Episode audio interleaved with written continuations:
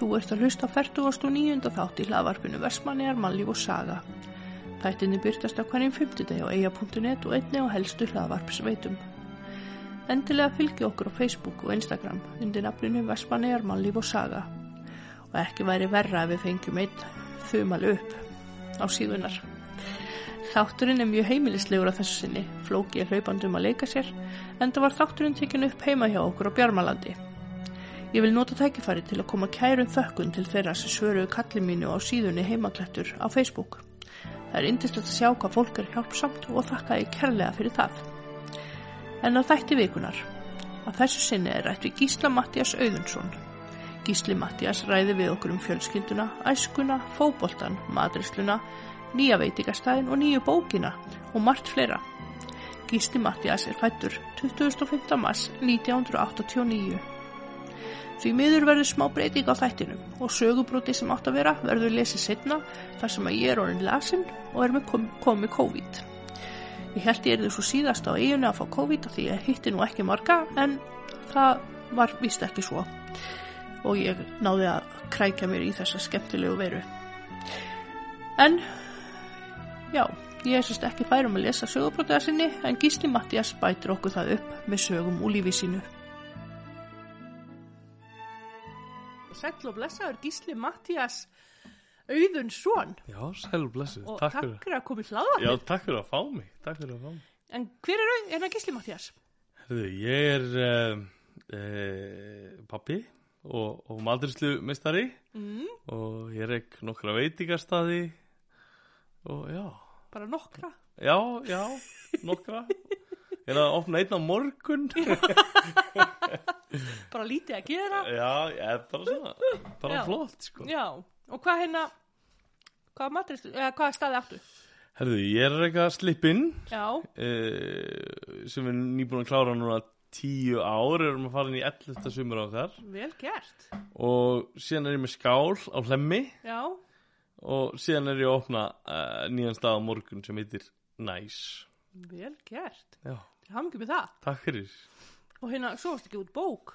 Já, uh, við vorum svolítið ge- eh, já, ég var gefa út bók uh, um slippinn og, Já. og, svona, og vestmanniðar Já, uh, sem kom út af vegum svona alveg risa bókaframleganda sem heitir Feiton ok. Ná, hún var gefin út í alveg uh, 27-8 löndum Já, vel gert. Þannig að þetta er, þetta er rosa spennandi og, og verður gaman að sjá hvað áhrif þetta hefur á, á bæði bara vestmanlegar og, og, og, og okkur sko. Einmitt. Ég hérna sá á Facebook að þú varst hérna að matriða onni eitthvað hefðarfólk. Já, já, já, já uh, Já, ég, þú veist, ég elda eins og, já, ég elda mjög oft á bestastöðum. Þú veist, sérstaklega þegar að það er, hérna, það er nú ekki búið að vera mikið um að vera síðustu tvö ár Nei, mitt. En, en fyrir það þá tók ég, eh, þú veist, tek ég eiginlega alla stóra veistlur þar Já, ok.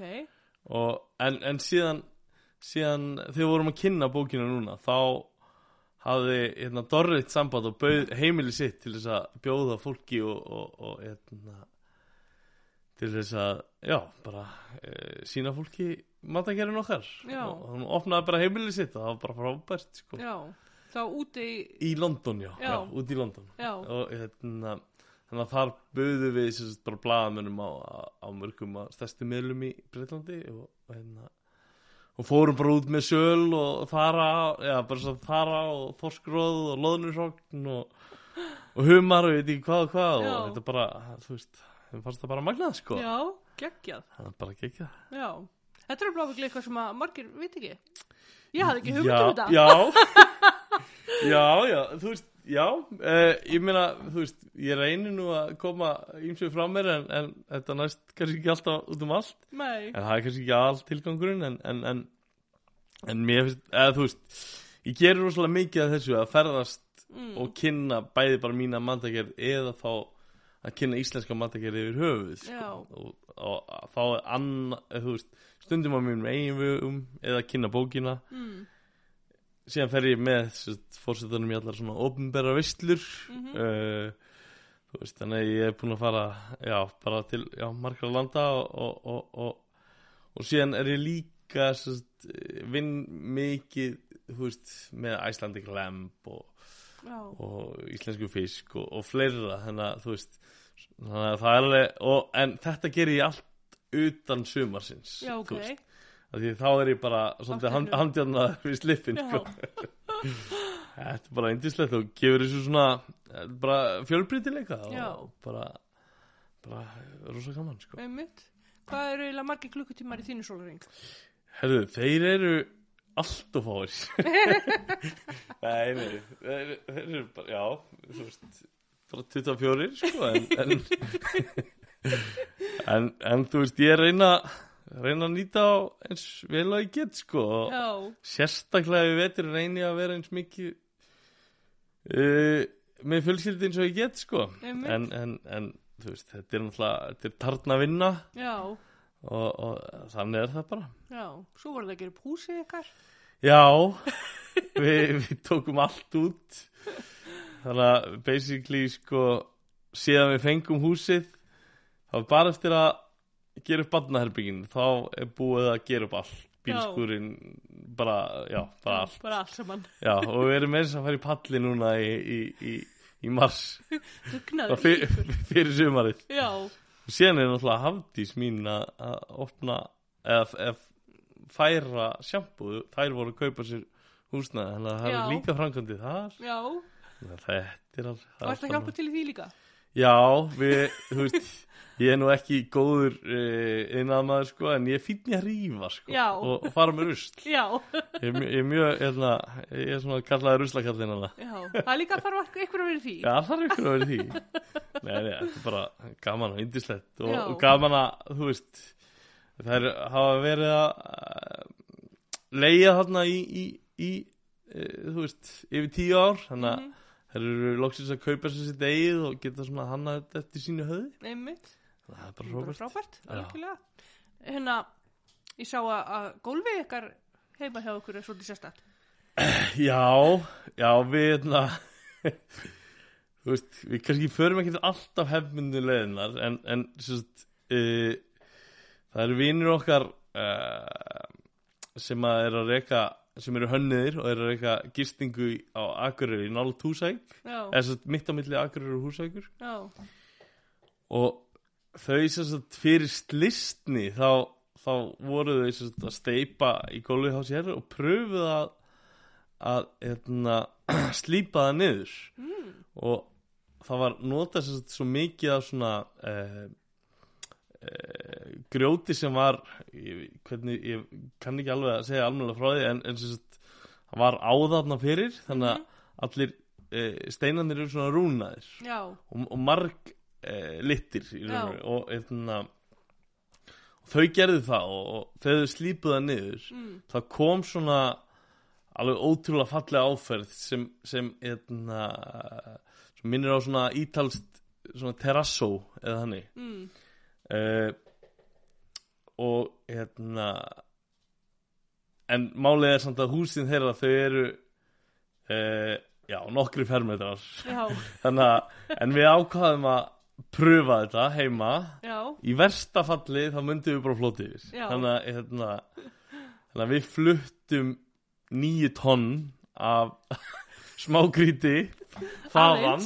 Og það var margir sem segði af hverju, af hverju, veist, er ekki nóga steinum í Vestmannum sko? Já, en málið er bara að e, við svona fengum álit frá þeim sem vita betur það er svo mikið að steinum hérna sem molna auðveldlega. Mm, Svo, og þannig að við þorðum ekki Já. að, að, að e, já, það var alveg ykkur að skjóta á okkur hvaða fávitar við værum að, að flytja möl til Vestmanni en, en, en þú veist við bara kildum á þetta og, og, hérna, og erum bara gætum ekki verið ánæður með, með, með Kemur rosalega endaði, flott út. já, ótrúlega skemmtilega, alveg geggjað. En hverja manna ertu? Herðu, uh, ég er úr grafarættinni um, Þannig að uh, mamma mín er, er Katrín Gísladóttir og hún, hún er þessi dóttir Bobbi og Gísla heitins uh, og, og lang, sett, afi hennar var Binningröf Já, og pappi minn hann um, kemur frá Siglufirði. Já, ok. og hann var sett, að koma inn á vertíð. Já, og kom sérst á bátinn hjá Ava Gísla mm. Þá, þar var mamma 15 ára kokkur á botnum Já, þau ok. kyn, kynntist um borð Já, sagt. ok.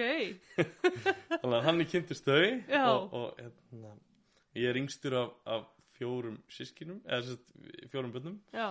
Já, þrjár eldri systur Mm. uh, og já ég sérst, fættist hér og uh, hér í eigum en, en við fluttum þegar ég var að fara í grunnskóla mm. Til og, en ég var duglur að koma hingað til bæði ömmu og síðan alltaf var flestir bræður mömmu byggu hér. Mm uh, en síðan var það þegar að uh, mamma og pappi ákveða að flytja aftur hingað sem er 2011 Mm.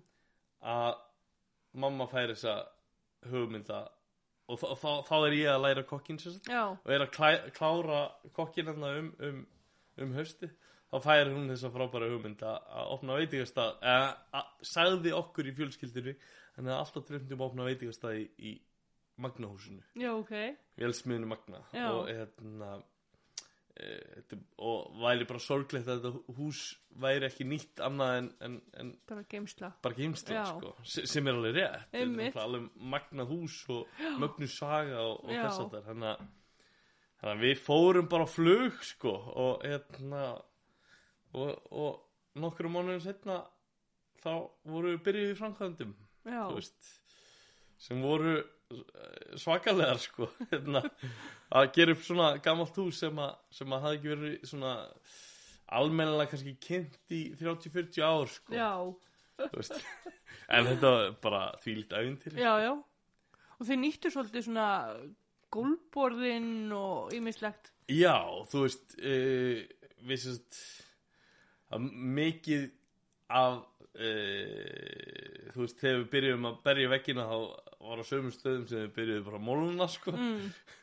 og, en, en þú veist, við reyndum eða svo Indiana sagt, Indiana Öðinþóttir hún, hún hannaði staðinn Já. og hún er með masterskráði myndlist og, og núna var ekki þá orðin, orðin bæði smiður og húsgagnarsmiður Já, ok. og hérna, hún sagt hannaði staðinn uh, og vildi bara hafa þetta eins einfalt og eða svona einfalda hönnun en málið Já. er þú veist þeir sem hafa verið að hanna eitthvað það er ekki einfalt að hanna einfalt Nei, nei. þú veist, að, láta svona einfallleikan uh, svona vera fallegan Já. þannig að við nýttum eins mikið að munum í húsinu og við gátum Mm.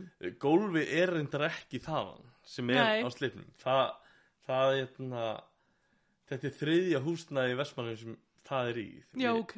við sem sagt, fengum það það var í netagerðinni Já. sem var fyrst einhvers þar út á eyði, ég kann ekki alveg að segja frá því Já. en síðan var það hérna, uh, í húsnæðinu sem Grímur Kokkur er núna með uh, versmiðinu sína Já. þannig að þegar að hann er að við, við, við vildum fá eitthvað viðagólf en við vildum samt ekki fá nýtt viðagólf Já. og, hérna, og hann var á sama tíma að rífa út til þess að gera framleyslinu sína þannig að við fórum og bara alveg bara uh, urðum ástfangin að þessum viðafjölum Já. en sko uh, það er þannig samt sko að þess að viðafjalli tafði veitingastæðin um, um sko tvo mánu að opna að það tók skuggalega langa tíma að uh, bæði rétta timbri af og, Mhm. og það hefði verið einhver raki þannig að við þurftum að saga undan því Já. öllu og síðan að leggja það var bara einn maður í vinnu í, í, í já, rúmlega tvo mánuði sko. Og eðna, en þú veist allt þetta var gert til að því og, veist, við höfum á sín hvernig við vildum hafa Mhm. hlutina og hún sjálf, sýsti mín hún, hún hannaði borðin borðin til dæmis Mhm. úr gömlum lestafjölum úr gömlu bylgju Já. sem voru þarna bara sem veist, átti að fara að henda Já. uh, þannig að þú veist en líka þetta var svakalega ævintýri við, vissum í raun og veru ekkert almennilega hvað við vorum að fara út í sko og vorum ekki eins og komin eitt fjármagn þegar við vorum byrjuð að- að að rífa á þess að það sko. Þannig að, uh, en þetta blessaðist á endanum Já, en þetta var, var rosalega margar lokaðar dyr sem við, sem við veistum ykkur neginn að komast framhjá sko. já. en, en já, Og það hefur tekist þess sagt alveg. alltaf við erum búin að reyka í tíu ár núna og erum að fara ótrúlega spennt að fara inn í allir þetta sumar okkar þannig að, hérna, að þú veist, þetta, þetta hafðist alltaf Já, glæsilegt bara. En hvað hérna, hvernig eru fjölskyldahæðið þínir? um, ég er sérst uh, er giftur Hafdísi Ástórsdóttur Mm um, og uh, við eigum saman Já, uh, hún, sem sagt, þegar ég kynntist henni þá átti hún tvö börn fyrir. Uh, Ástþór sem núna er vera 14 ára? Já, og, og Odni Bára sem er 9 ára og 11 ára. Já, og, og síðan eigum við saman tvö börn, Emil Jörnu og Auðun Angantýr já, og, og þau eru núna tveggja og, fjögur ára mjög hress uh, og skemmtileg og eitna, já, þannig að þetta er, þetta er bara frábært sko já, við bara getum ekki verið hefnari held ég sko. Sem bara indislegt. bara eindislegt En hvernig barn og úlingu varst þú? ég var frekar sko, sko barn þá var ég mjög aktífur sko Já. Eh, ég svona á setni árum er ég búinn að greinast með aðteglisbest ADD ekki, eh, ekki ofvirknina. Mm en, en hérna já ég svona ég held að lögreglan eða þú veist ég var alltaf að strjúka af leikskólanum og hérna, á kirkjugerði og, og þú veist tvísa sem við komið í sko, sjóarsfrettirnar í, í einu sinni fyrir að hoppa á hann í tjötnina í dalnum og var nær döðaðin lífi og, og einu sinni elli á. Þannig að ég, ég var mjög aktífur og var mjög erfitt barn. En svona á grunnskóla var ég mjög rólegur og, og, og hérna en alltaf í íþrótum og hérna og bara svona mikið í, í svona félagslífinu sko, þú veist formaði nefndir aðs og já, bara mikið svona hef gaman að skipulegja viðbörði og, mm, og, og, og annað slíkt sko. Eh, og þú veist, ég ætlaði mér alltaf að eh, eða þú veist, ég byrjaði að læra íþróttafræði og ætlaði mér alltaf að vera bara knassmyndi þjálfari ég hef mikið áhuga á fótbolta. Já, en, en, og æfði fótbolta svolítið mikið eh, en ég lendi í rosalega lendi í meðslum sem að voru alltaf að koma aftur upp og aftur upp. Mm, og síðan einhvern veginn svona hérna, endaði ég í eldúsinu sko. Og þá, þá svona gaf ég hennan uh, svona uh, draum að vera uh, fótballtæðarvari upp á en þú veist, já, aldrei að vita ég meina tannlæknir sem hefur nú ansið langt í já, já, maður veit aldrei. segi svona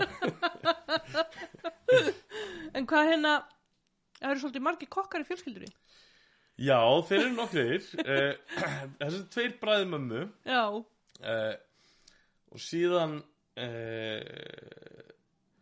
voru afar mínir eða langafar mínir líka kokkar. Sem sagt bæði sagt uh, uh, pappi sagt Gísla heitins Gísla Mattias uh, heitins og, og uh, ömmu minnar uh, sem við kölluðum alltaf uh, ömmu í uh, mömmu pappa Guðný. Pappi hennar var líka kokkur. Já, ok, og hérna eða vert. Já. kokkur á, á hérna Gullfossi. Já, ok, uh, og hérna en, en sagt eh, ég ætlaði mér aldrei að vera kokkur sko. Nei. ég bara hérna veist, þetta er alveg smá fyndin sag ég var sagt á framhaldsskólanum á laugum að læra íþróttafræði. Og uh, eignaðist kærustu í bænum og ákvað að flytja í bæinn og allt í nú ekki í námi og, og fór aðeins út á sjó. Já, fann að ég var bara ekki alveg að fíla það og erna, bara, já vorum átta daga túr og sjö daga var í sjó ykkur og, og, erna, og ég bara ég bara vissi ekki hvar lífið mitt var að stefna. Já, hérna, en þá á þeim tíma var sagt, Siggi frendi að, að opna, veit ég það sem hétt Veisluturnin, 19. í, í. Kópói og pappi var sagt, fenginn sem svona allt múlíkt mann í framkvöndunum Já, ok. sagt, bara pappi er svona einn af þeim sem getur mjög margt í framkvæmdum og hérna ég sagt, eftir að ég fílaði mig svona ekki að sjónum þá hérna þá var ég hans bara hægri hönd þar sko. Já, en síðan, síðan voru framkvæmdina búnar og veitingastæðurinn opnaður og þá voru kannski verkefnina skortnum skamti fyrir mig og einn daginn mætti ekki uppvaskarinn sko. Og þá var ég settur í uppvaskið. En ég hafði verið uppvaskari áður Ok. og, og hérna og var kannski ekki alveg að fíla þetta. En, en síðan var ég allt í einu settur í að skræla karteflur og síðan mætti ekki eitt kokkanemin og þá var ég allt í einu orðinn kokkanemi sko. þetta er bara svona þetta bara gerðist. Og hérna en, en á sama tíma sko þá svona eh, var ég smá ástofngin að svona orkunni sem var í eldursunu og mm, þú veist um, og fannst þetta alveg henda við mig sko og, og á einhvern skrítin hátt hengdi ég þetta alveg við íþróttina líka sko þú veist, þetta, þetta var einhver svona ákveðin orka og síðan ég þú veist síðan þetta, þú veist, þetta var þú veist, 2007 held ég, Já. þá hef ég bara verið bara fastur inn í eldhúsi síðan sko Mm. og bara sé ekki eftir neinu sko nei, og bara búin að ná ótrúlega lágt. Já, bara, bara frábært sko. Já, en nú til dæmis á Siggi veitingastað Já, og Grímur náttúrulega með sína matarframleiðslu. já, já. Er ekkert svona rígur í fjölskyldunni? Bara ekki, ekki neitt sko bara, Er ekkert eitthvað, það eru hérna, það eru miklu koma til mín heldur en þín og eitthvað. bara al, alls ekki sko. Ég held að við Siggi séum alveg sammála um það. Við erum meira meira saman í þessu sko. Já. að, fá, að, að gera versmanlegar að matar áfangastað Já. og, og hérna e, og að fá fólk yfir sko. Mm, þú veist, við bara bara gefum hver öðrum fæf og líka einsi og allir Já. í þessu sko já, þannig að það að- standa allir saman og er allir í já, hjálpskap. já, það, það, Já. ég, ég alltaf frá mínum bæðum séð og ég held að ég sé alveg nákvæmlega einsi á þeim þú veist, við lítum ekki á hvern annan sem samkjörnsæðila sko, Nei, þú veist, þetta er bara þetta er bara það er bara allir að reyna að gera sitt besta og, Já. að, þú veist, ég sagði eitt tíma frá því líka þú veist, það er svipað eins og á, á hlemmi matöll sko Já, veist, mér, veist, ég er alveg að reyka veitingast að þar. Eh, veist, það er bara betra fyrir okkur að það eru fleiri góður staðir þar inni mér finnst við ekki verið samkynnu við þá staði heldur, heldur meira matöllin er bara betri áfokastæður fyrir fólk að koma á þannig að, þannig að eh, það bara styrkir alla það eru uh, fleiri hæfileikaríkir í kringum hvern annan held ég já. Sem bara geggjað. já, bara En hvað hérna, hvernig er að reyka matsölustað upp á landi og vera hér? Það er rosa fínt. Nei, nei, ég, sko, ég stopnaði þetta á sínum tíma fyrst veit ég sem heitir Matur og Drykkur. Mhm. og e, í janúar 2015 og þá var ég e, þú veist, þá bjóð ég bara upp á landi. Mm, og e, og það hérna e, bara veit ég það sem gekk mjög vel þú veist en, en hérna en síðan með, með tíð og tíma þá komur svona upp, upp svona erfiðleikar í samstarfinu þar og ég fór þaðan út mhm, og fæ tækifæri að opna sett, skál eða Já. sett, eh, stað í fyrstu matöllinu á Íslandi. Já, og hérna e, þá tala ég við bara, bara besti vinni mína sem að hérna, við deilum svona ásta á veitíðastöðum og matagerð og þess aftar og við ákvaðum bara að gera eitthvað skemmtilegt saman sko. mm, ég var svona smá brunnin eftir, eftir svona ekki alveg nógu gott samstarf með aðlun sem ég var að reyka mat og drikk með Já. og vildi bara gera eitthvað gaman sko.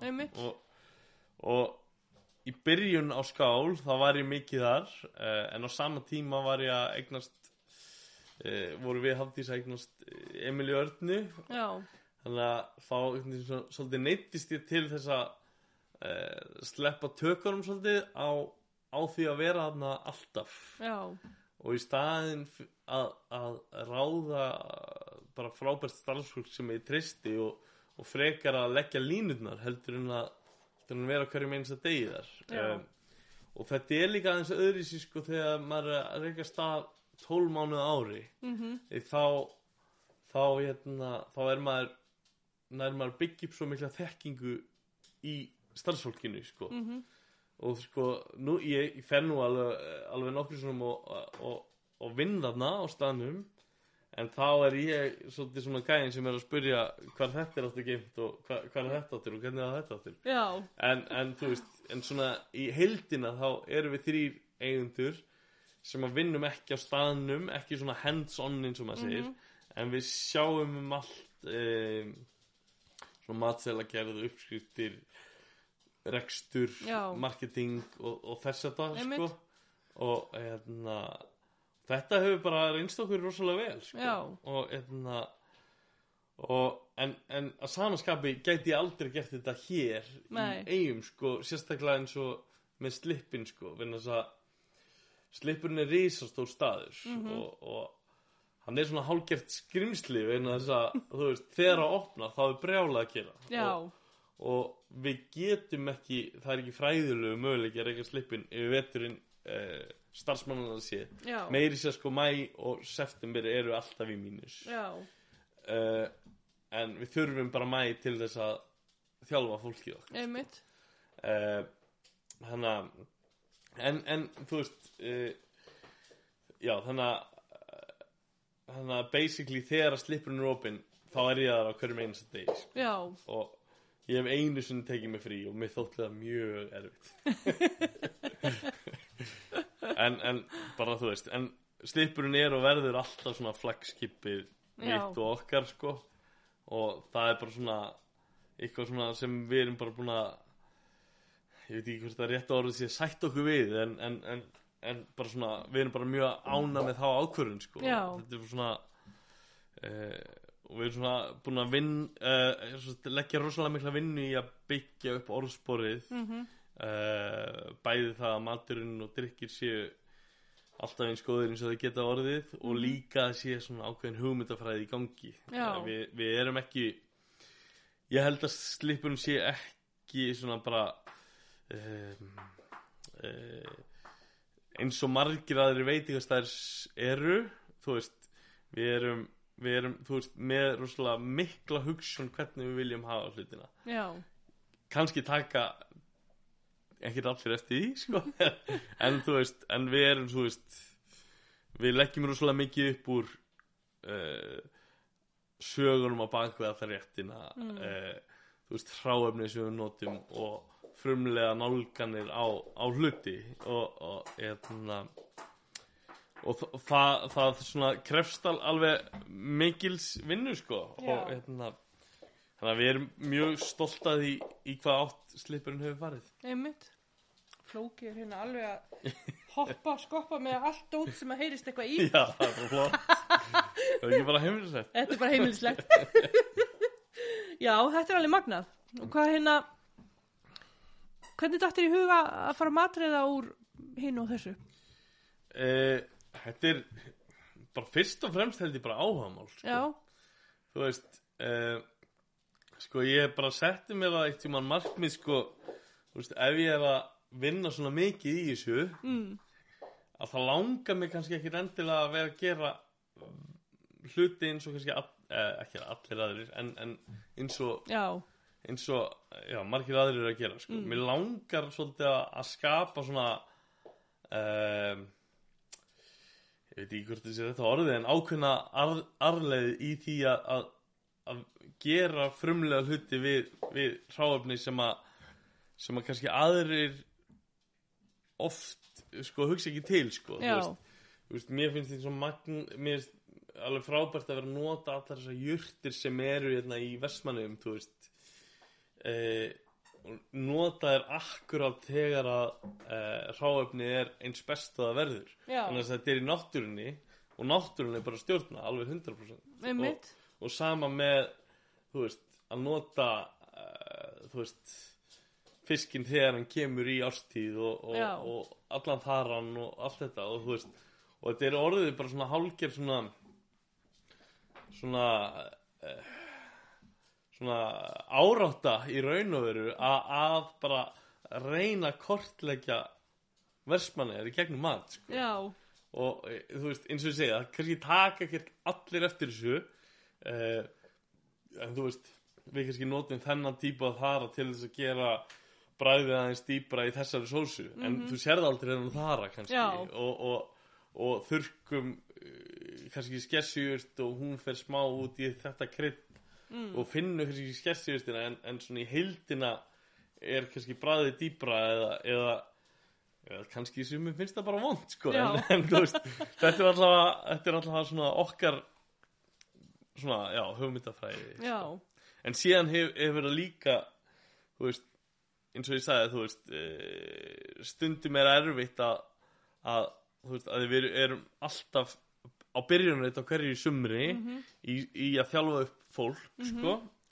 En það, góði hlutin er það samt, við erum alltaf að við erum alltaf að svona finna betur hvað við erum og hvað við erum ekki. Af því við þurfum alltaf að útskýra það fyrir fólki og já, og þau kannski líka það er orðið bara mjög eftir svona að koma að vinna hjá okkur sem Já. er frábært. Einmitt, þannig að við erum að fá kokka kannski sem eru búin að vinna á mörgum missionstöðum já, þeir koma líka með fullt af punktum já, inn í matakjörun okkar. Leiðu þau eru komin inn í okkar hugmyndafræði og ég er að læra líka helling af bara starfsfólkinu okkar. Einmitt, veist, þannig að þetta, þetta er bara ótrúlega skemmtilegt verkefni sko.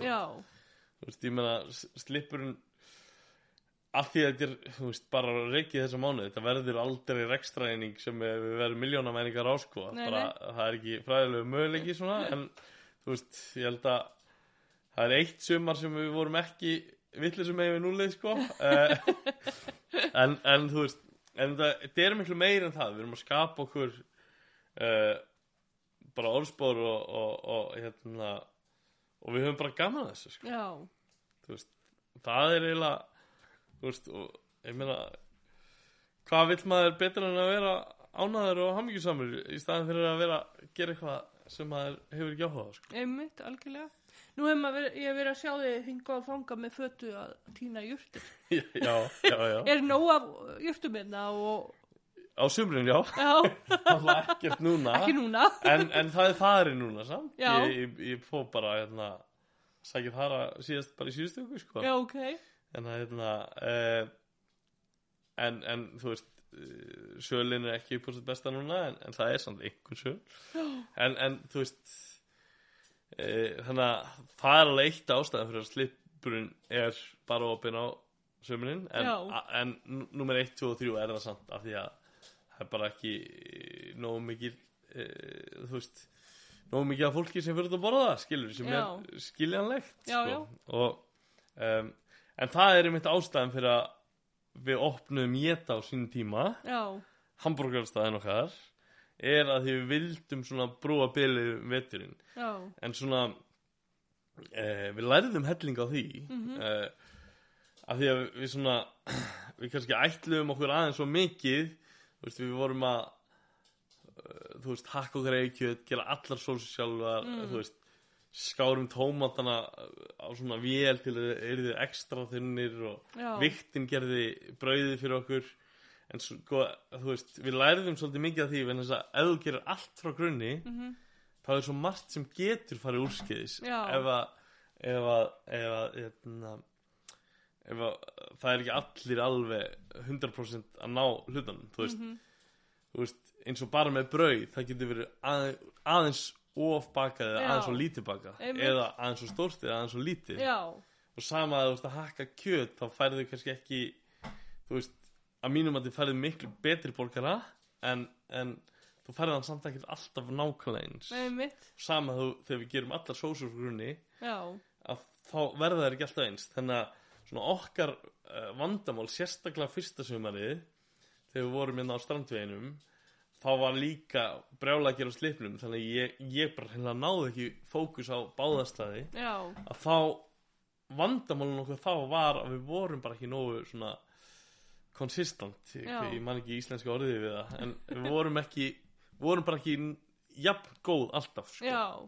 og, og, og ég held að það hafi kannski orðið okkur á falli þú Mm. veist uh, og síðan fóru við yfir á, á bróðir svo þá náðum við aðeins að við náðum miklu betri tökum á svona konsistansíðinu en, en bara því miður þá bara reksturinn, hann bara stóði kynnti sér þannig að við Já. þurftum bara að taka það ákvörðun að- hætta með þetta sko því, við höfum ekki já, við bara höfum ekki efna því að tapa peningum sko. Nei mitt það verður enginn efna á því svo Nei, akkurat. en hvað hérna, þeir eru opnað næst núna. Já, núna við að hvaða opna koncept er það?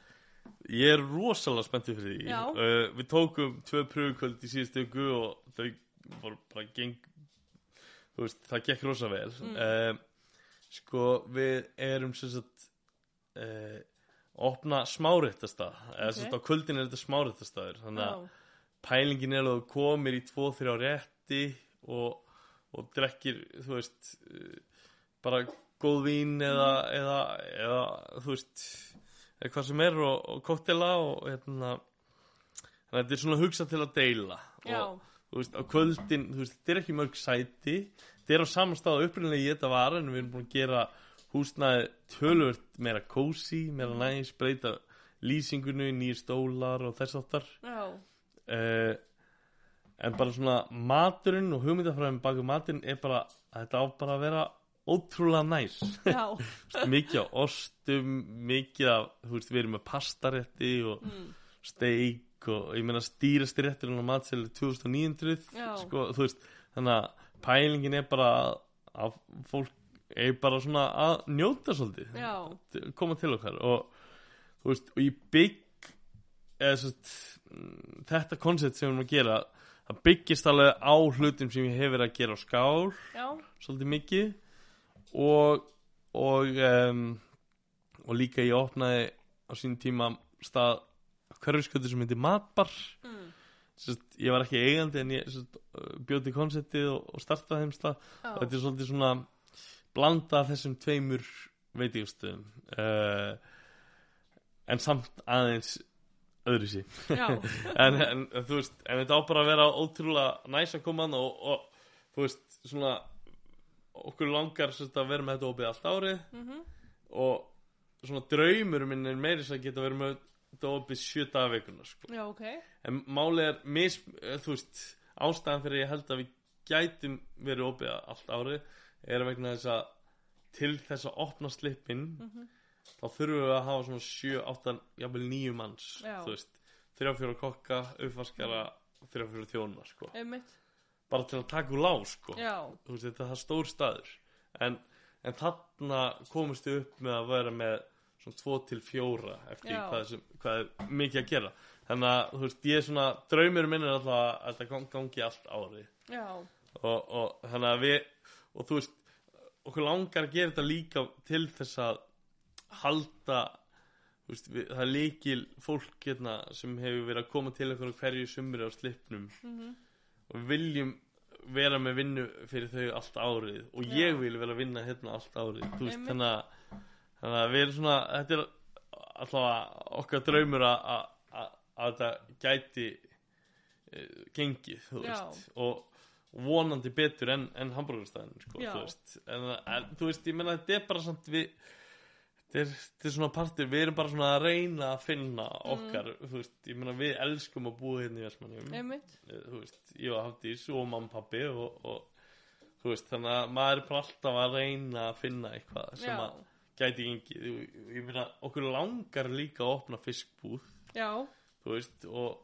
við náttúrulega tókum hann að sælkera búðina svolítið hérna um, síðustu fyrir síðustu tvö jól en þú veist, en við þurfum samt, þú veist en, þú veist, sama áðan, þú veist, við getum ekki bara farið í eitthvað og, og, og það gengur ekki upp fjárhastlega, sko, þannig að okkur langar hugsanlega í framtíðina að opna eitthvað, en, en þú veist að það bara að passa upp á að fókusin sé á réttum stöðum já, já, þannig að taka, taka ekki of mörg skref í einu. Já, já, að- algjörlega.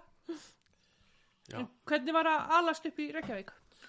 Það var bara gott sko Mm. þú veist, já ég sest, ólst upp í, í Efrabröðaldi í fellanum Mm. e, var í tíu ári í fellaskóla og hérna fór síðan í fjölbraut og síðan annar framhaldsskólan á lögum e, það var bara frábært að allast upp þar Mm. e, þú veist þessi skóli mikið af, af fólki að erliði bergi brotið sem bara bara indislegt að kynnast ólíkum menningaheimum sko Mhm. og hérna hérna og ég, já og, og þú veist, sem var ég líka mikið í sveit, mamma og pappi byggu, eða sett voru allar helgar í sömbústanum sínum Já. þannig að hérna þannig að já, þetta var bara bara góð tími held ég Já.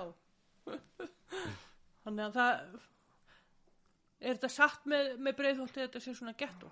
Já, já Nei, nei, nei, alls ekki Eða þú veist, þú veist, ég man alveg sko eftir þetta svo leiðilegt orð? e, Já, já, eða þú veist te, e, bara fólk sem elst upp hann að gerir bara grína þessu sko Já. En ég man alveg eftir bara rísa slagsmálum á milli þú veist þú veist, já, bara milli bæði skólana og þess áttar skilju, en, en það, þetta var samt ekki neitt skilju, Nei. þetta, var örugglega ekkert verða þar heldur en hér þegar úlinga var að slast sko, en þetta var bara, þú veist ég meina, síðan kannski fyrir minn tíma þá var kannski punk tímabilið þarna Mm. þá var það kannski aðeins grófara ég veit það ekki en, en, en, hérna, en síðan náttúrulega í, í efrabreðaldi er líka þú veist e, það er að breytast núna en þú veist þar voru mikið félagsýbúðum og það var Já. svolítið svona e, það var ekki dreift eins vel og er gert núna þú veist. Nei, þannig að hérna, þannig að uh, var held ég bara litið svona ákveðinu hortni á það en, en að mínum að þetta er breyðaldi bara frábært hverfi sko. Já. og í dag bara, bara geðveitt sko, líka bara og frá því að ég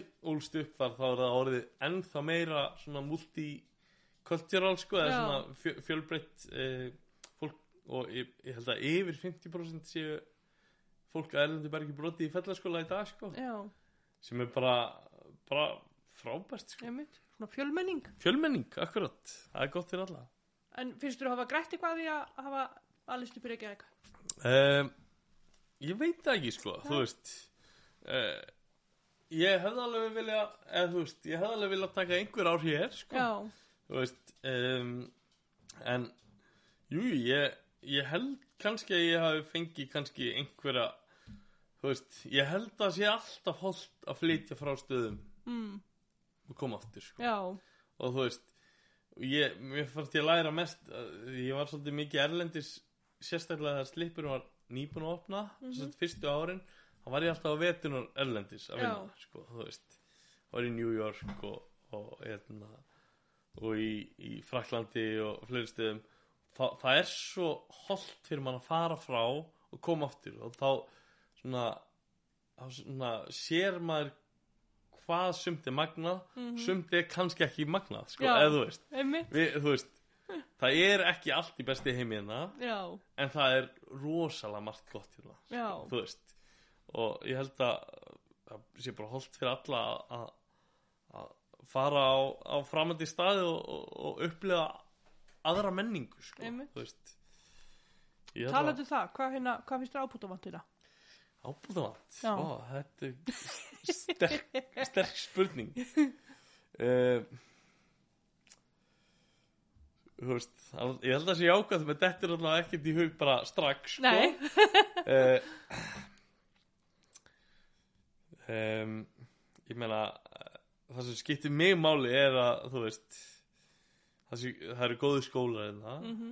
uh, og bara gott íþróttalíf fyrir, fyrir börnin okkar Mhm. þú veist, það er, það er margt rosalega gott Mm. uh, þú veist, ég meina ég ætla ekki að eða neinum tími að, kvarta við samgöngum það, þær eru bara eins og þær eru og það er allt í farveg en auðvitað væri náttúrulega gott að vera með stabíli en þær hafa verið nokkuð stabíla síðustu ár Mhm. en það var mjög erfitt að reyka veitingastæði þú veist, nokkur ár hérna þegar að kannski báturinn var ekki að fara í mæ þú veist. Já. maður er kannski með fullt af starfsfólki og fullt af hráefni og síðan bara mætti ekki 70 mann á hópunum sem var að mæta Já. og.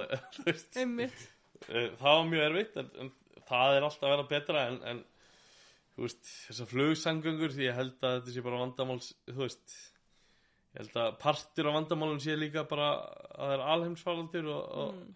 Það er ekki fólk, mikið af fólki að ferðast. Ég, ég held að þetta muni leysast allavega en, en svona já, slemt við já ég, mér dettir allavega ekkert í hug svona fljótubræði sko. nei, það er, það er jákvæð það er jákvæð það er jákvæð En hvað finnst þið skemmtilegast við þér? eh, mér finnst indislegt hvað allt tekur stuttan tíma. Já, veist, og það eru svakari lífsgæði sko, að, að þú veist já, bara þú veist, ég gæti ekki komið eins miklu í verki í mínu lífi ef ég byggi í stórborg sko. já, veist þannig að mér finnst alveg bara rosa, er náttúrulega bara frábært líka Já. það er bara uh, það er magnað sko Mm. uh, og þú veist, ég meina vetarinn geta náttúrulega verið þú veist, þeir eru náttúrulega svo allt annað en sumurinn sko. Já, þetta já. er bara svart og hvítt sko. og bara bara þjónusta við, við fólk þú veist það er léttara þú veist, ég meina það er allt opið á sumurinn skilur Já, já. og, og margt lokað á vettinu ég meina auðvitað væri frábært ef fleira geti verið opið og ég meina ég segi þetta sjálfur og er að reyka stað sem er lokaður sko en, en ég meina þú veist, ef maður á að finna eitthvað sko mm.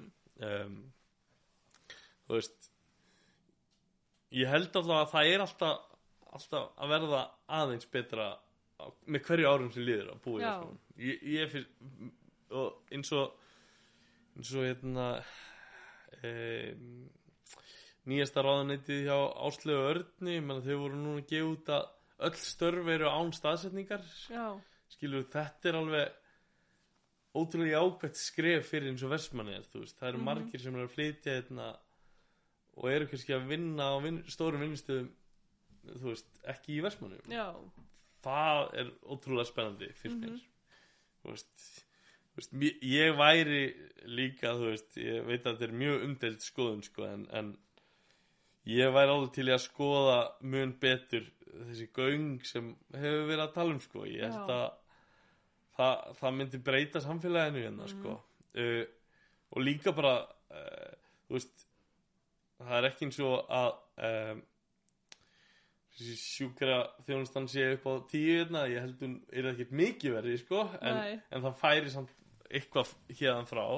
En, en kannski önnur þjónusta er þið betri sko. Já, um, þú veist og rekstur á, á veist, eins og ferðarþjónustinni þú veist, að ferðarþjónusta er svo mögnuð sko að hún, hún hefur svo marga snertifliti þú veist, já, ég meina uh, þú veist, við til dæmis þegar við erum í fullin rekstri þá erum við að versla helling við Þór, Eyjablik uh, þú veist bílan okkar hjá þess, þú veist, mhm, þetta, þetta tikkar einhvers einhvern veginn í öll bóks sko, Já. þú veist um, og, og hérna uh, þannig að það að já, þannig að bara svo lengi sem fleira getur verið opið mm, þá er bara spurning en eins og sé, ég er engin sérfræðingur ég veit ekki hvernig svona göng virka en, en ég held að mætti samt alveg skoða þennan möguleika betur sko. það verður það áhugast já,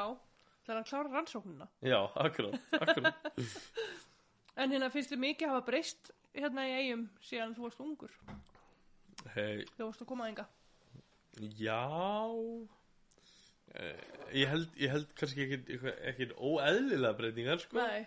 Uh, en en en uh, auðvitað þú veist uh, já ég meina þú veist það voru 20 sjoppur hérna þegar ég var yngri nú eru 20 veitingastæðir sko það, er uh, þú veist þá, þá var þetta svolítið svona 20 sjoppur og 2 veitingastæðir og núna er þetta eiginlega 2 sjoppur og 20 veitingastæðir sem var gott.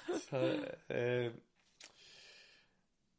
og ég meina þú veist en þú veist það er engar stórvægilega breytingar Nei. ég sko. nei, en, en, en ég meina þú veist bara fólk náttúrulega haga sér öðru sig, þú veist, ég meina ungbörn haga sér aðeins öðru sig og, og, og, og hérna, fólk almennt, þú veist, þannig að ég held að það sé yngar ég, ég alltaf fatt ekki svona í fljóti bræði, sko Nei. En hérna, hvernig upplifir þið samfélagi eigum? um, bara mjög jákvæmt að mörgum þú veist uh, og mér finnst það alltaf að að batna sko, mm þú veist uh, núna ég engin sko um, þú veist nú ætla ég ekki að vera að benda á neitt sko en, en, en þú veist það, það var alveg svona um, svona í pólitíkinni þú veist þá, þá var þetta svolítið mikið á eina vegu og, og mér, mér finnst það að hafa breyst aðeins það er aðeins meiri skilningur og þú veist það er ekki bara ein leið eða, eða, eða ekkert þú veist. En þú veist uh, ég er ég, veist, ég get bara satt það reynd út ég er ekki hægri maður sko. Mm. uh, ég er ekki heldur til vinstri ég er bara meira svona jafnar og, og þú veist og mér fannst hlutinir alltaf mikið hægri en áður fyrr og þú veist uh, þú veist sjávaru útvegur er mjög mikilvægur fyrir þetta samfélag en, en mér finnst það og ég stend bara, þú veist, ég er í mjög góðum samskipti við sjávaru útvegin eða kaupi mikið fisk og versla af, af þú veist, Ísfélaginu og Vinstistöðinu og allt það, sko, en, en, en mér finnst samt, sko um, stundum of mikil fókus á að halda uh, sjávarútvegnum alveg alltaf 100% en kannski annað Já. svona Já. ekki nóg mikið sko Einmitt. þú veist, þú veist, mér, þú veist ég er engin sérfræðingur, ég veit ekki hvernig á að hérna, uh, vinna með lykt sko en, en mér finnst samt mér finnst fáránlegt að, að, að yfir sömatíman þá er ógísla vond lykt í bænum af því að, að uh, sjávarútvegurinn er er, er að vinna gamalt tráöfni sko. Mhm. og þá er bara allir að sætta sig það. Já. Þetta eru samt sko fyrirtækir sem eru að skila miljardið að miljardum í hagna. Hlýtur að vera að gera eitthvað. Og þetta er bara, þú veist heilbreyðisætlun tekur tjekkja okkur á hverju einasta ári mér finnst þetta bara heilbreyðismál sko. Þannig að það er mitt álit sko, Já, já. þú veist þannig að, að þú veist, tímanir er að breytast og, og þú veist, ég meina að sjá verbúðina þú veist þetta er alltaf að fara á færri færri hendur Já. og, og hérna, þannig að þú veist þetta er ekki þú veist, sjávarútvegurinn er ekki eins mikið að bjarga þjóðinni núna eins og það kannski var að gera Mm. þannig að þú veist það, það, má, það verður að mega tala um þessa hluti með gaggrinum hætti sko, Ég ætla að mynda að kasta einu fram hérna. já endilega Það er spurning hvort að mjög kansilrað. akkurát, það er vandamál En hérna, ég hef heyrt til dæmis að það eru til síur til þess að Just- dempa lyktina, sko. Það er 100% til sko. Þó bara, svo að það er bara grafa rör skiljum, þú veist, mér er alveg sama. Málið er bara, að þetta er það er ekki engin vilji til þess að breyta því. þetta er ekki mitt vandamál. Þetta er þeirra vandamál Mhm. sko. og, og, og, og það þú veist það, það bara leysa þetta.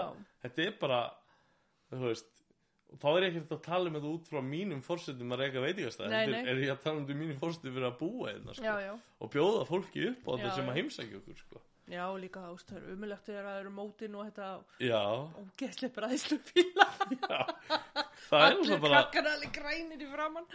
já, síðan er þetta alltaf kallað peningalikt sko. þetta er ekki mínir peningar sko. Nei, mitt, einmitt. ég fæ ekki neitt fyrir þetta Nei, það var fínt að við fengum eitthvað. Svona nefskatt. nefskatt, það er gott Nei, já, ég er alveg samanlega, það þarf að breyta þessu eitthvað. Þú veist, það hlýtur að vera hægt að gera eitthvað en, en, en þú veist já, mér, þú veist oft finnst mér vanta og það er ekki endilega bara við, við samfélagi versmannum heldur bara Íslandi sko. Að að það að megi vera meiri gaggrínin umræða á sjáurútvegin sko. Já. Nei, og svona, að því við erum aðeins að tala um þetta, að það er mjög sérstætt og svo er lokuð verksmiða sem var nýbúið að opna þannig í Keflavík. Út að lykt já, já akkurat, og það er verið að núna, úst, eiginlega í samstarfi við bæjarbúa hvort að ég opna hann aftur, sko. já, já, akkurat Þannig og, og sem betur verið verið það líklega ekki gert nei, mitt, Þannig að já, þetta er En- svona, en- en- þetta er viðgótt málefni, en, Já, en það auðvitað þarf að líka. tala um þetta. En það, er- það, er, það er líka kannski það sem að ef að það er eitthvað slæmt við að ef þú veist svona eini kosturinn sem ég sé slæmið með versmenniðar er að suma hluti má ekki ræða sko. Já, og, og, etna, og, og oft er, er hlutum svona þú veist eru einhverjir kanselaðir sko Já. þú veist fyrir að ræða hlutina. Og ég meina þú veist og meira svo að þú veist þegar ég segi þetta þá munum kannski ykkur um móðgast og ekki koma að slippin en þú já, veist það verður bara að vera hannig sko Já. þú veist nei, fólk verður bara að fá að hafa sína skoðun. já og, og ekki líða fyrir hana Einmitt, algjörlega. En hvað finnst þér enginn af fólkið sem að býr hérna, eða er frá eigum? það er rosalega dugnaður hérna í fólki Mm, mm mér finnst, já, bara fólk ótrúlega duglegt og og hérna já, og bara þú veist greinilega elskar sinn bæ sem Mm. er bara frábært uh, og já, og líka bara þú veist uh, þú veist, gaman að sjá þegar að ungt fólk er að flytja tilbaka skilur þú veist, mér finnst það frábært uh, og sjá kannski valjúið í, í því að búa hérna uh, en bara svona upp til hópa finnst mér bara vestmanningar frábært fólk sko já. En hvað hérna, hvar byrjar að vinna? já, Hva, og hvenar? hvað byrjaði að vinna? Uh, fyrsta vinna mín. Fyrstu vorum að tala um dugnað. já, akkurat. Sko ég, ég er að reyna að muna hvort það hafi bara hreinlega verið úlingavinnan en eða, þú veist, ég var náttúrulega alltaf að hjálpa pappa svona, Já, þú veist kringum svona bátastús og eitthvað, en það var kannski engin alvöru vinna. Ég byrjaði fyrst að skræla kartöflur held ég. Já, en það hjá einhverju fyrirtæki sem var svona forsona kartöflur já, ok. ég er sko fyrirlít forsona kartöflur uh, að því mér finnst það ekki góðar en en það uh, ég skal freka sko skræla í tvo klukkutíma heldur en að, að bjóða það upp á forsona kartöflur en þú veist, mér finn, það er bara eitthvað ákveð brað sem ég bara, bara með ónæmi fyrir held ég Já. en að En já, það var, það var kannski bara því að ég var að vinna þessu, ég veit ekki. En, en, en, uh, já, ég er svo, uh, byrjaði þar eitt tímann. Síðan, en ég held svona fyrsta alvöru vinnan sem var kannski ekki alvöru vinnan samt var bara ólingavinnan sko. Já, Og síðan var ég alltaf að þjálfa fótbolta líka, þú veist, mm, á sumrin. já, uh, en um, síðan hef ég gert ímislegt sko, var að vinna á lager uh, og og já þú veist, þannig að hún er kannski ekki svakalega merkilega svona vinnusaga mín áður en ég byrjaði að læra kokkin sko. já. en hérna, ertu góðu pappi? ég held það sko Mm. ég, já, jú, ég, ég held ekki alveg sagt það. Eh, ég legg mikið upp úr því sko ég elska að eða tímum bjöðunum og, og mér finnst gaman að kenna þeim og, og, og hlæja með þeim og, Mm. og vera barnalegu með þeim sko Já, þú veist, þannig að hérna, og eins með Hafdísi hún er bara eindislegasta mamma sem, þú veist, börnin geta fengið sko Mm. þannig að hérna, þau eru rosa duglega að leika með þau. já Ég sé það á samfélagsbyrjum. já, já Sáum við- þetta við- að hafði sér illa krambúliru núna. Já, já, það var meira ruggli með Ég var búin að vara hana við sko En hérna, uh, já, jú, þú veist Ég held að það sé mikilvægt að, að stundum maður þurfa að leggja frá sér uh, síma og annað og, og bara taka þá upp aftur ef maður vill Mm. þegar að börnir eru sopnuð sko Já, og, uh, og vera í mómentinu ég held að, held að veist, við þurfum alltaf að minna okkur sjálf á það sko.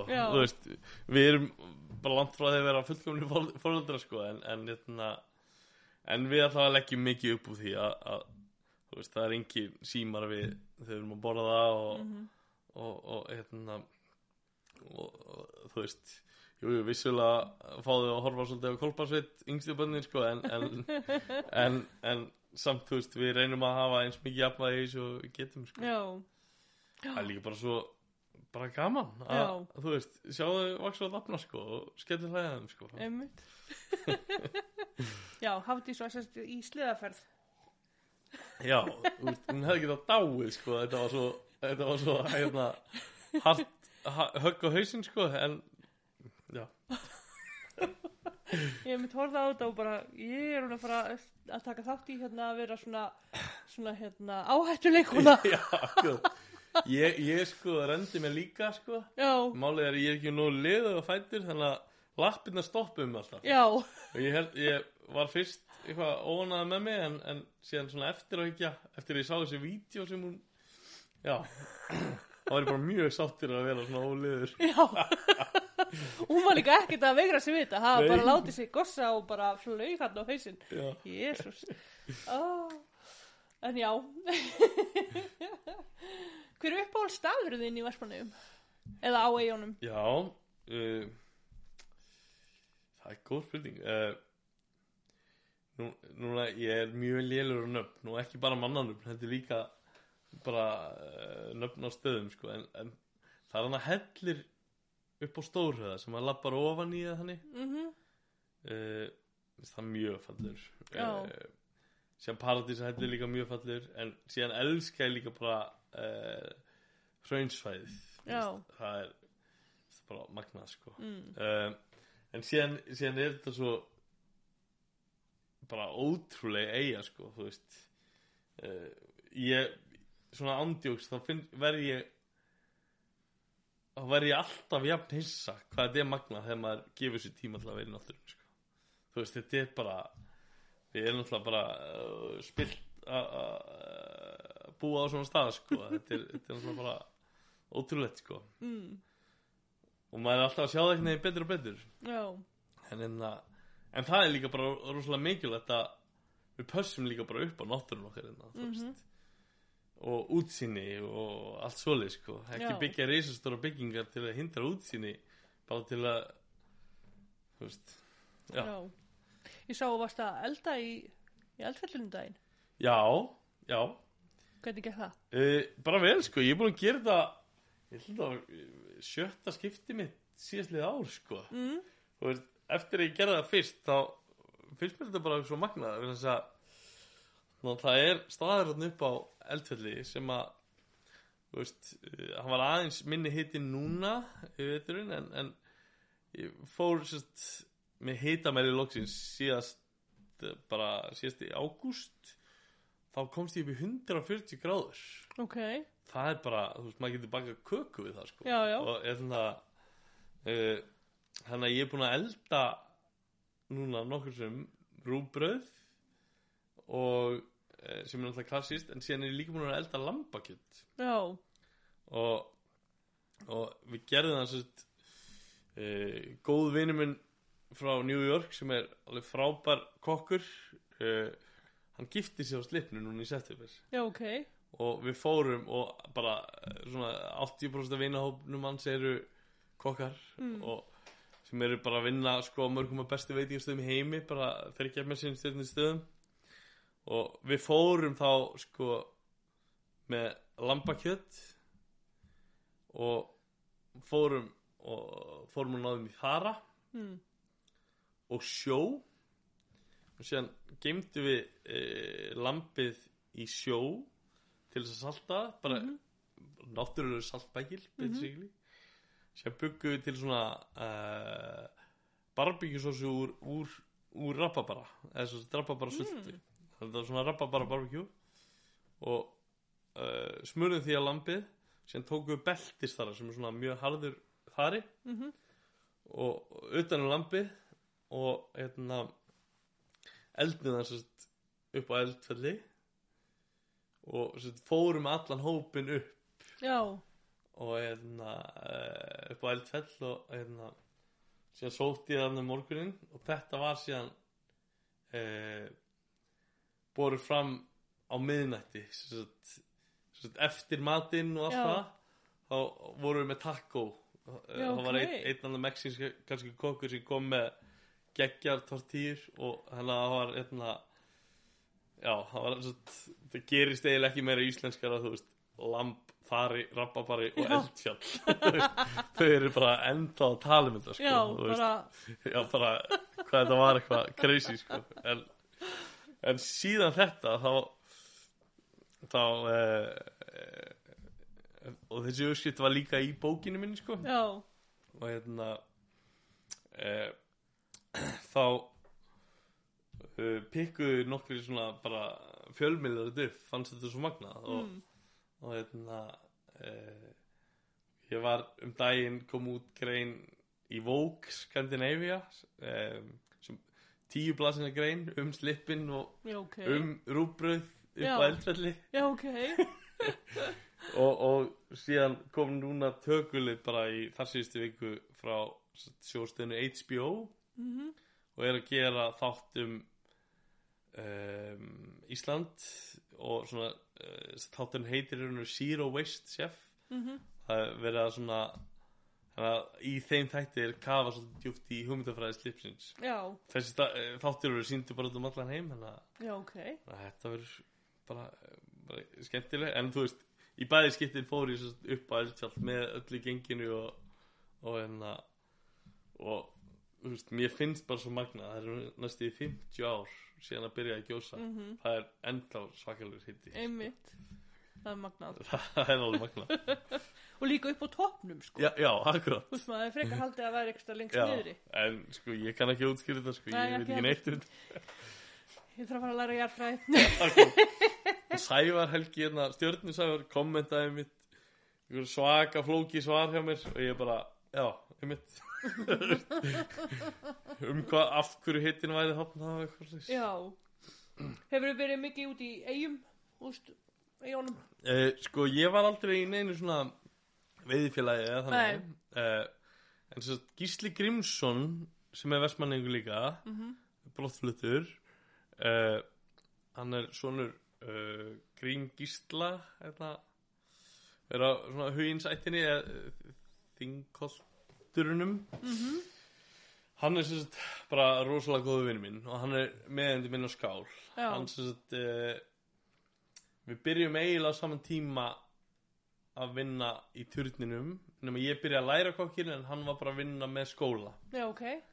og um, síðan þegar ég opna slippin þá tekur hann hérna fyrstu tvö sumurinn með mér Mm. síðan þegar ég opna mat og drikk hjálpar hann með því síðan bara þegar að ég var komið leið á mat og drikk og vildi opna þá, þá þá er ég bara, herru, núna gerum við eitthvað saman Já. Þannig að við ba- basically erum þrý sem eigum skál bara 30, 30, 30 Já. uh, en, en sko uh, hann gísli sem sagt uh, er þeir voru alltaf að veiða út í álsei Já, og hann hefur leitt mér að koma mjög oft með sko. Mér, þú veist þetta er alltaf alveg magna dæmi að, að þú veist maður upplifir náttúrun svo svakalega þegar maður er sérstaklega á eigu Mhm. bara getur ekki að fara niður eða þú veist, á svona pínulítið Einmitt. sko.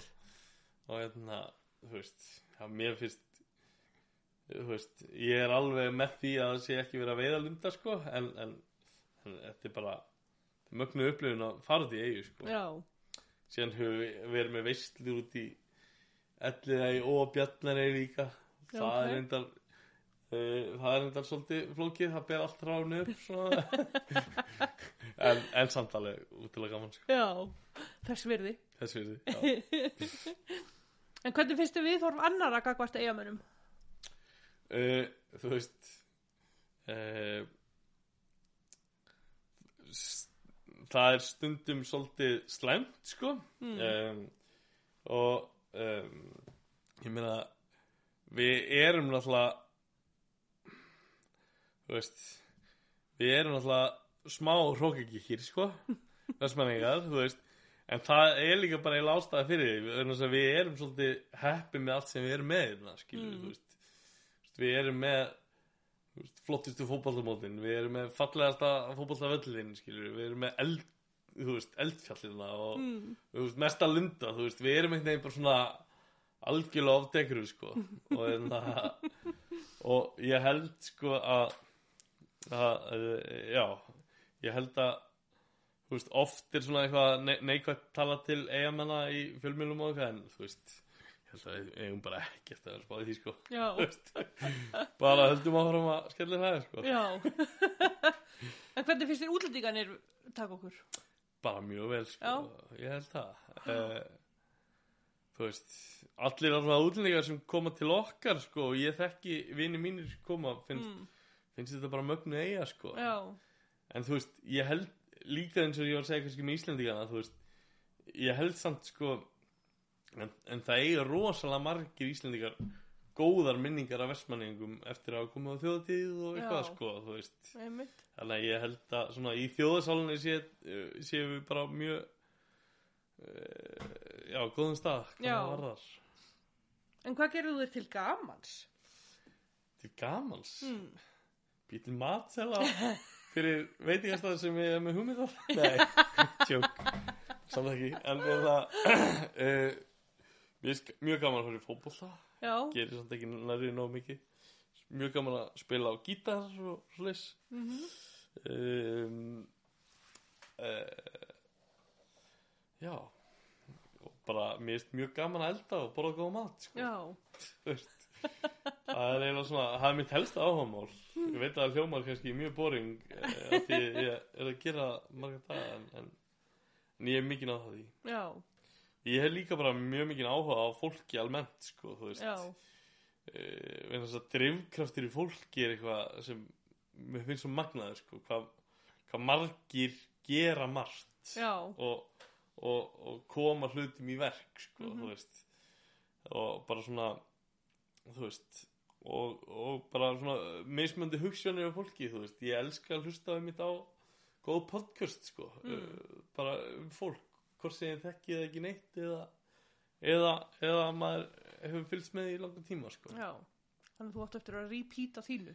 Ég bara 100% Nei, alls, alls ekki alls ekki sjálfa mig sko en, en, en, en, en já mér, mér finnst líka bara svona sérstaklega fólk sem hefur kannski farið ótróðna slóðir sko Mm. þú veist, finnst, þú veist gaman að sjá hvað vekur það í fólki sko. Mm uh,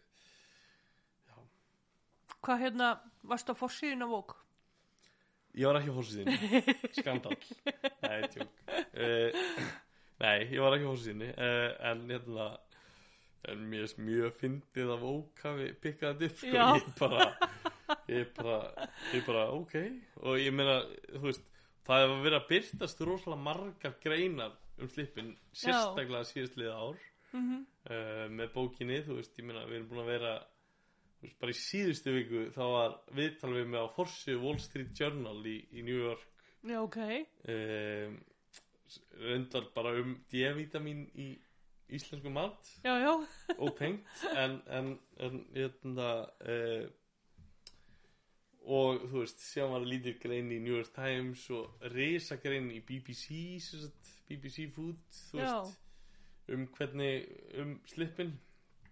Þannig að það það er að byrtast greinar bara á bara rosalega mörgum stöðum og, og þú veist, mér finnst svona uh, bókin hjálpaði svolítið eða þú veist uh, hjálpaði okkur svolítið að koma í orð það sem við erum að gera. Og ég fekk líka alveg rosalega hæfileikaríkt fólk með mér í bókina þú veist, þú veist uh, það tók þú veist, draumurinn minn var alltaf að gefa út bók hjá þessu bókaforlagi Já, ok.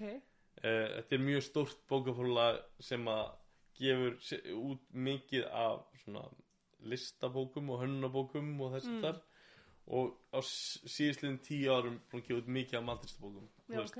og þetta er svona þetta er kannski ekki hefbundnar matristabækjur þetta er ekki bara uppskriftir Já, heldur er líka saga og svona ákveðin fagufræði og, og þess að þar og hérna Þetta er ekki bara tveir desilítur sigur. já, akkurat uh, en þú veist en, en það, það, það er bara önnur típa af já. Sko, og en að uh, þannig að uh, já þannig að það tók mig alveg fimm ár að fá hennar samning Mm. loksins uh, og ég hafði, þetta hafði verið markmið lengi og hérna uh, en síðan sko þegar að loksins þetta var komið í eitthvað ferli þá þá sérst, áttaði ég mig mjög fljótlega að ég kann ekki að skrifa sko, sérstaklega Já, uh, og þannig að hérna, ég fekk sérst með mér í þetta matar blaðmann og rithönd mm. frá New York sem hafði skrifað fallega greinum slippin nokkur árum áður. Ok. Og ég vissi að hann hefði líka verið að vinna með þessu bókafórlegi sem heitir Peyton mm og hérna og hann var hérna bara meira og minna heilt sumar. Já, ok. Þannig að hann kom, hann kom fimm sinnum alltaf í eina, tvær vikur í senn. Já, og hérna og hann veginn bara svona var bara að fluga vekk allan tíman og við byggum bókinu svolítið mikið bara samræðum millir mín og hans mm. og hann svona nær miklu betur koma í orð hugmyndanum mínum heldur en ég næ einhver tíman sko. og mikið af bókinni og sögunum og svona er kannski ég sem skrifa kannski bara reysa sögu til hans mhm og hann bara finnur miklu betri orð og kemur því miklu betri samhengi sko.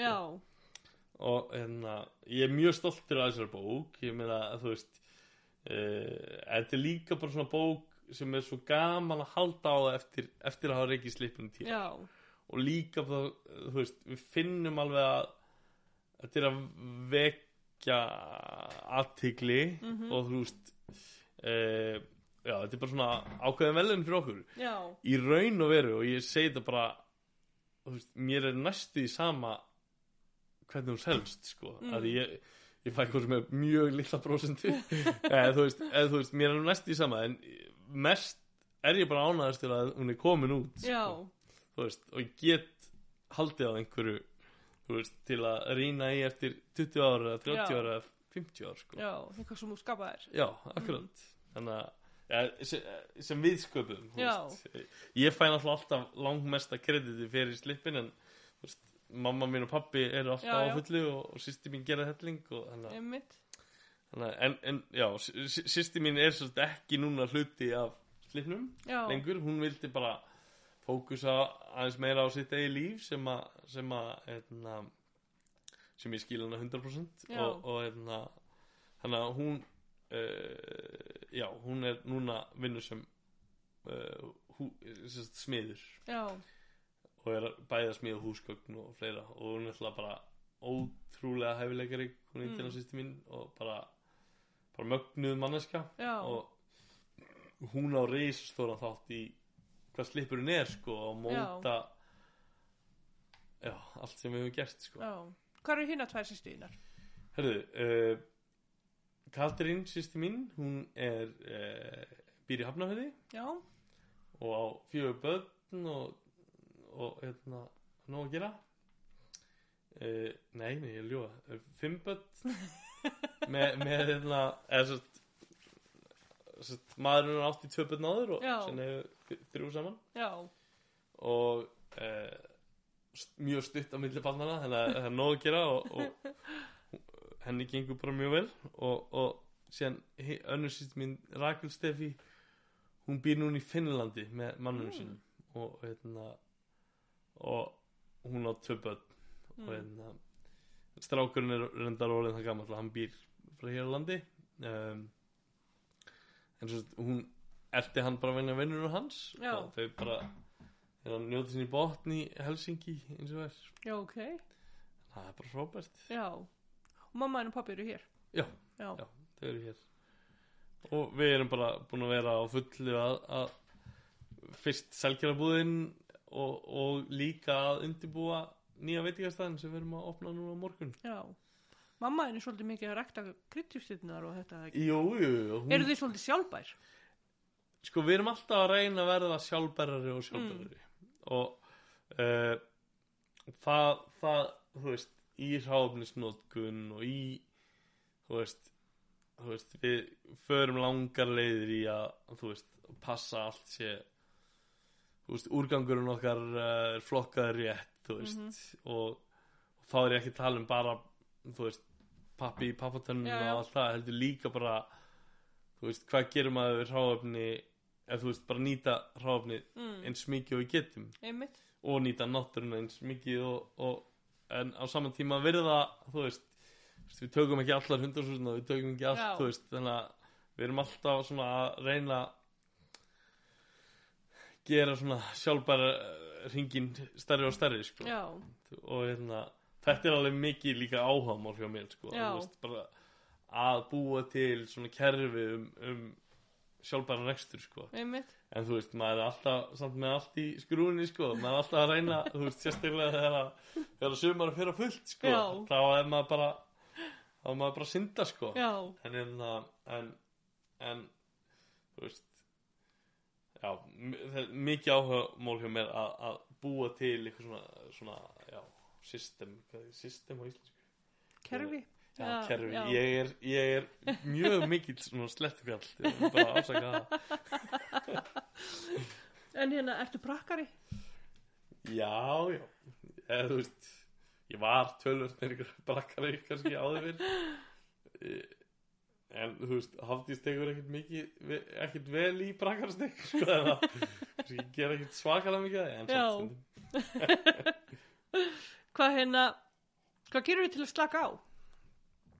uh, eða slakar aldrei á? jú, jú, ég slaka mikið á sko uh, uh, mér finnst ég er mikill áhuga maður um, um vín já, uh, þú veist, pæli rosalega mikið í vínum og hérna við á, á skál sko, við rekum líka víninnflutningsfyrirtæki sko. nú ok. Við erum að flytja svona inn svo getur náttúruvín. Mm. náttúruvín er raun og veru bara eins og víngerð var hérna fyrir 300-400 árum já, ok. Og þau eru svo þannig að það er engu bætt við í vínin. Þú veist, hvorki skortirreitir eða plöntunar mm síðan sko verðin þess að mörg hefbundin vín og ég er ekki að tala móti endilega nei. vínum en eru kannski með 40-50 þú veist hlutum í því sem þarf ekki að vera mm. ef að víngerðin er 100% rétt. Já, uh, þannig að það þú veist, í náttúrvíni er þau eru stundum aðeins öðri sig, þú veist, það er stundum aðeins meiri síra þú veist, aðeins meiri botfall. Mm en þau eru náttúrulega og 100% sko, þú veist. Og, og sko, þegar náttúruvín er svona, þegar þessi bylgja var að byrja þá voru rosalega mörg vond vín bara hreinlega. Og þú veist, sem bara eins og edik Já. en þetta er að þróast svakalega. Já, og, ok. og bara núna er bara margir bestu veitingastöðum í heimi sem er bara með náttúruvín. Og, mm. og skál sem sagt, staður minn uh, á hlemmi við, við erum bara með náttúruvín þar bara vín sem eru án aukaefna basically. Og margir tala um að það bara verði ekki þunnir á þessum vínum sko, og og hérna og þú veist eins og nýjastanur næst þá eru þá eru í raun og veru þetta er ekki stóru vínlisti og ég held að 85% séu náttúruvín sko. Já, en ég er, ég er samt ekki tara ég er eitthvað endilega að auglýsa hann eitt of mikið sko. Nei, nei. þú veist að þú veist, í raun og veru er þetta bara vín sem eru bara miklu hollari fyrir því sko. Mhm. uh, og á mínum mati miklu skemmtilegra að paraði með mat það er meiri karakter sko. Já, þú veist, já. Magnað. Já, þetta er, ég er mikið áhuga á náttúrunum, alveg Já. bara, þú veist, svona alltaf líka verða aðeins meira og meiri og líka bara, þú veist, eru þau þá að koma frá Spáni og Ítalíu eða? Já, eh, aðalega frá, uh, Evróp, eða bara frá Evrópu, Já. við notum bara vín, ekkert frá, Kaliforni, eða þú veist, ekkert Mhm. bandarísku, ekki all, allar í Ástralíu, það er Já. líka partur af hugmyndafræðinni að, veist, ef, ef það væri hægt að rækta íslensk vín, þá myndu væntalega já, vera með þau en, en, en að, að, veist, sem, að leiðina séu ekkit oflangar já. um, Vestlaði þinni álfu. Nei, já, já, akkurat akkurat Eh, nei, þannig að þú veist þannig að mikið aðeins frá Austuríki Já. Austuríki að mínum að þetta er bara frábært vingerland uh, síðan er Ítalíu, Frakland, Spán. Þú veist, þetta er svona fjögur aðal. Uh, en síðan erum við sko með nokkur frá Slovakíu við erum með þú veist frá öðrum löndum líka sko. mm. en já, en það okkur, okkur hafði sérst mjög gott að þú veist, eftir annars saman dag að fá okkur til að slaka á. Rauðum sko og njóta til að vera full sko, bara til að njóta lífsins. Já, mitt, algjörlega. Hvað hérna, hvar kynntust þið Hafdís? uh, á hálfgjörnstofunni hennar. Og það að klippa mig og, og ég var skotin í henni. Já, og, og ég reyndi og reyndi og, og það gekk ekki neitt en síðan bara gaf hún sig. Nei hljómar illa en, en, en já ég bara reyndi bara, viltu vera kærspil? Já. Gerðu það, gerðu það, please. please en uh, já ég sést bara uh, ég var bara mjög skotin í henni Já, og, og varst alltaf í klippingu? já alveg oftar en ég þurfti kannski en, en þú veist já það er svolítið til að setja um markmið og ég er svona næðum oftast á endanum Já, eitt af markmiðum var að, var að hátti sér í konu mín sko Já, það, náðist. kræk í hana. Það er bara fróðist En hvað gerir þið þegar þú ert búin að ná markmiðunum, eins og núna með bókina? Hvernig líður þér? uh, svona í gegnum tíðina þegar ég hef náð markmiðum þá hef ég Mm. bara ekkert hugsað um og bara haldið áfram Já, En ég er svona aðeins að reyna að njóta momentsins aðeins Já. meira núna, þú. Og þú veist, ég meina, eins og, eins og bara núna þegar ég fór í svona bókatúr bæði til London og New York og að vera alveg miklu stærri en út af COVID þá breytist Mhm. það. Uh, þá í staðin fyrir að uh, reyna að fara svo flesta staði og gera sem mest í þessu löndum sko þá frekar þú veist, bauði bara hafði þessi með og, og gerðum bara tvo rosalega flotta íventa í staðin fyrir tíu veist, alveg á kreisinu og bara nj- njóta successin sko, eða þú veist uh, já, þannig að ég er svona með árum aðeins meira svona að, líka bara þegar maður er komin börn og, og er meira heima fyrir og þess Einmitt. svona þá svona svona reyni að lega mér að njóta aðeins meira sko. Já, en, en maður má svolítið ekki ekki, ekki missa sig í einhverju leti sko eða svona Já, já. e, e, já. nei, nei ég, en þú veist jafnvægi í lífinu mínu er, er tölvöld betra núna heldur en það var fyrir nokkur mánuð þú veist, að, þú veist ég er líka búin að læra það að ég þurfi ekki að gera allt sko, Já. þú veist eh, og m- má læra enn meira af því sko, þú veist að treysta fólki og frekar kenna þeim og leifa fólki líka að, að gera mistök þú veist og, og kenna fólkinu að, að læra þeim sko, eða veist. Þannig að ég er svona að re- að reyna það líka sko. Veist, að veist, eins og á slipnum þú veist, það, við erum með 24 starfsmenn þegar allt er í gangi sko og þú veist, maður getur ekki haft stjórn á öllu sko, þannig að það, það er bara þú veist, þannig að maður er bara alltaf að læra eða fá aðeins meira reynslu Já. hverja ári held ég. Já. Alltaf sé svolítið henni Er mikil samhældni í fjölskyldunni? já, já, mjög Mhm. mikil sko mjög mikil uh, þú veist, og, og ég meina ég vinn rosalega vel með og pappa alveg Já. bara svaklega vel sko þú veist, ég meina við vinnum saman eins og núna núna í vettur, við erum búin að vinna saman upp á dag sko, Já. þú veist og mamma hjálp, þú veist, hjálp hlaupur undir bakka með börnin og bara, bara indislega amma sko bara, Já, þú veist, þau bara elska hana sko.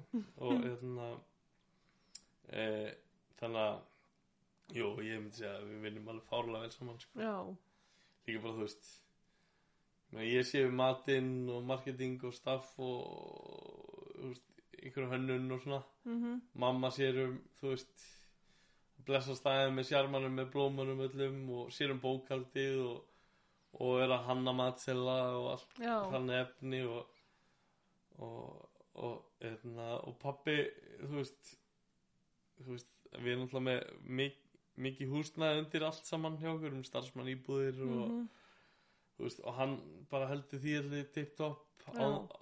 auk þess að vera að reykja sína þú veist, sín litla smábát sko, og, og þú veist það vantar ekki verkefnin sko það, en við bara vinnum fá- fárlega vel saman sko. já, og ég er bara ótrúlega svona uh, þakkláttur fyrir það en þess að það er ekki sjálfsagt sko nei, þú veist.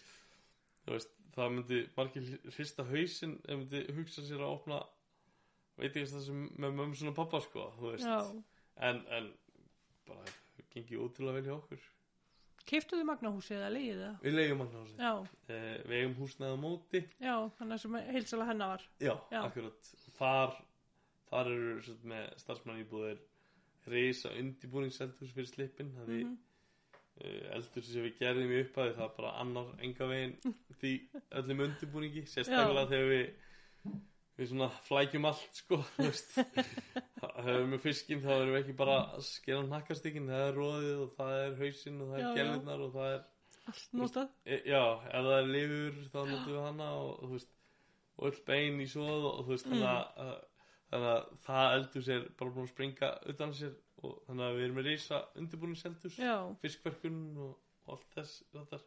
og síðan hann litla veitingasta já. En hvernig hérna, eins og með jörtirnar og þetta, já, hvar fegstu vitneskuna? hún Ertu bara búin að lesa þið til eða? já, svona, þú veist maður læri bara alltaf meira frá árið til árs, ég læri þú veist ég, ég held að ég hef aldrei set, sest niður meirinn í hálftíma skilur að lesa mig til um það sko. Já, en svona með bara reynslinni þú veist maður er alltaf út að týna og þá alltaf bara forvitnin líka fleitir mann áfram sko veist, og þá kannski lítur maður eitthvað upp og þú veist sér þekki ég líka einhverja grasafræðinga sem ég send, fæ stundum að senda skilabóð og fólk sem veit miklu meira en þara og, og þess að þetta sko þú veist þannig að þetta er bara áhagamál og maður verður bara hérna aðeins betri þú veist, ég meina fyrsta sumari voru við bara að týna hundasur og bara bara í görðum sko. Þú veist, og síðan kom hvernin inn og kervillinn síðan bara, síðan vindir þetta bara upp sig sko og síðan er þetta bara alltaf aðeins meiri vitneskja og aðeins meiri vitnesta þú veist. Og þú veist, og þetta verður alltaf aðeins flóknar og aðeins flóknara Já, þú veist, að því maður er eitthvað það er- hérna, það er full bókaði kvöld en við verðum eiginlega að fara að týna hérna, þú veist, greintoppana þú veist, þeir eru bara veist, eftir helgi sko. Þannig að að þetta er alltaf svona ákvarðanir þú veist, með, meðan svona flestir hefbundi veitingastæði, sko, þeir bara þeir bara býða til vörunum. Já, mitt. koma, já, já, akkurat. Sem er bara gott að blessa Já. en bara, þú veist en, eh, þetta er bara svona um, Og fyrir allt stressfólki út að týna eða ertu aðalega þú? já, bara allt fólki, Já. sko þú, uh, aðalega kokkandir samt. Já. Þú, uh, uh, hérna, en, en þjónan þeir líka stundum með uh, Já. eða þau vilja, sko Einmitt. uh, Er einhverja plöntur hérna sem á þarf að varast á? Er eitthvað Nei, eitraðið það? það er nefnilega ekki deytar Nei? þú veist, þú veist það er ekki sveppir hérna það er ekki trið hérna þú veist uh, það er alltaf ekkert stórhættilegt sko. Nei. Það er eiginlega góða líka á íslensku náttúrulega það er mjög fótt Já. þú veist, veist ég hef einu sinni uh, verið að vinna með tröllakvönn og það var á þeim tíma sem ég, ég var að vinna á veitingast sem heitir Dill sem er núna missið stjörnu Já. á Íslandi. Ég var að vinna með tröllakvann og á þeim tíma var ég var ég stund að ljósa bekki sem sem, sem eitna, þú veist, ég var 17 og 18 ára og þá sko þegar að það er efni í tröllakvönni sem er stóra kvönni þegar hún fara út fjólblað gísla þá byrja bara hendilega að bubla sko. Já. en, að, en það er engin ég, ég var alltaf eða ekki? jú, jú, Já. bara blöður og hérna uh, ég hef alltaf ekki orðið varið tröllakvönn hérna í Vestmannum sko. Nei. það gæti verið einhvers þar í einhvern görðum eða eitthvað Já, já. en, en, en, en, en síðan þú veist já, við erum bara alltaf að læra aðeins meira og aðeins meira um náttúruna þú Já. veist, sem er bara líka bara þú veist það að vera sem er reyka slippin veist, við verðum aldrei besti veitingast þar í heimi sko. en við erum þú veist, alltaf að reyna að verða aðeins betri en skilur, aðeins betri síðast aðeins, þú veist þú veist, að þetta er alltaf svona þetta er bara einhvern veginn svona verkefni sem alltaf að verða aðeins starra og aðeins starra og þú veist uh, það er svona uh, og ég meina þú veist ég hef alveg verið stoppaður hérna, þú veist, veist nautakjöndi sem við berum fram á striknum er Mhm. þessi sérstakur vöðvi sem við veist, sem við skerum alveg á sérstakar máta og við setjum í smjör og við eitjum í viku Mm. og þú veist og síðan kom einu svona einn og spurði þú veist, af hverju notar ekki bara nautalindur frá Nýja Sjálandi Já. og þú veist uh, að því, þú veist við, við viljum það ekki veist, ég er ekki að segja að nautalandi frá nýjasjálandi Eitthvað er ekki, er ekki verri skilur en þú veist það var að miklu minna sjálfbæra við erum mm -hmm. íslensk kjöt, alltaf Mhm. ferskt kjöt. Þannig að við fáum nýtt kjöt í hverju viku og við erum að gera frumlega hlut og, og við erum og, og fyrst og fremst erum við að gera hluti sem enginn getur gert heima á sig eða þú veist, já. einhver getur það en gerir það enginn. Þú veist að, að fara svona langar leiðir Já. að, þú veist það er það sem mér finnst að veitingastæðir eiga að vera. Já, þú veist, að vera að fá veist, oftast mat sem þú myndir oftast ekki uh, nenn að gera heima þess nei mitt.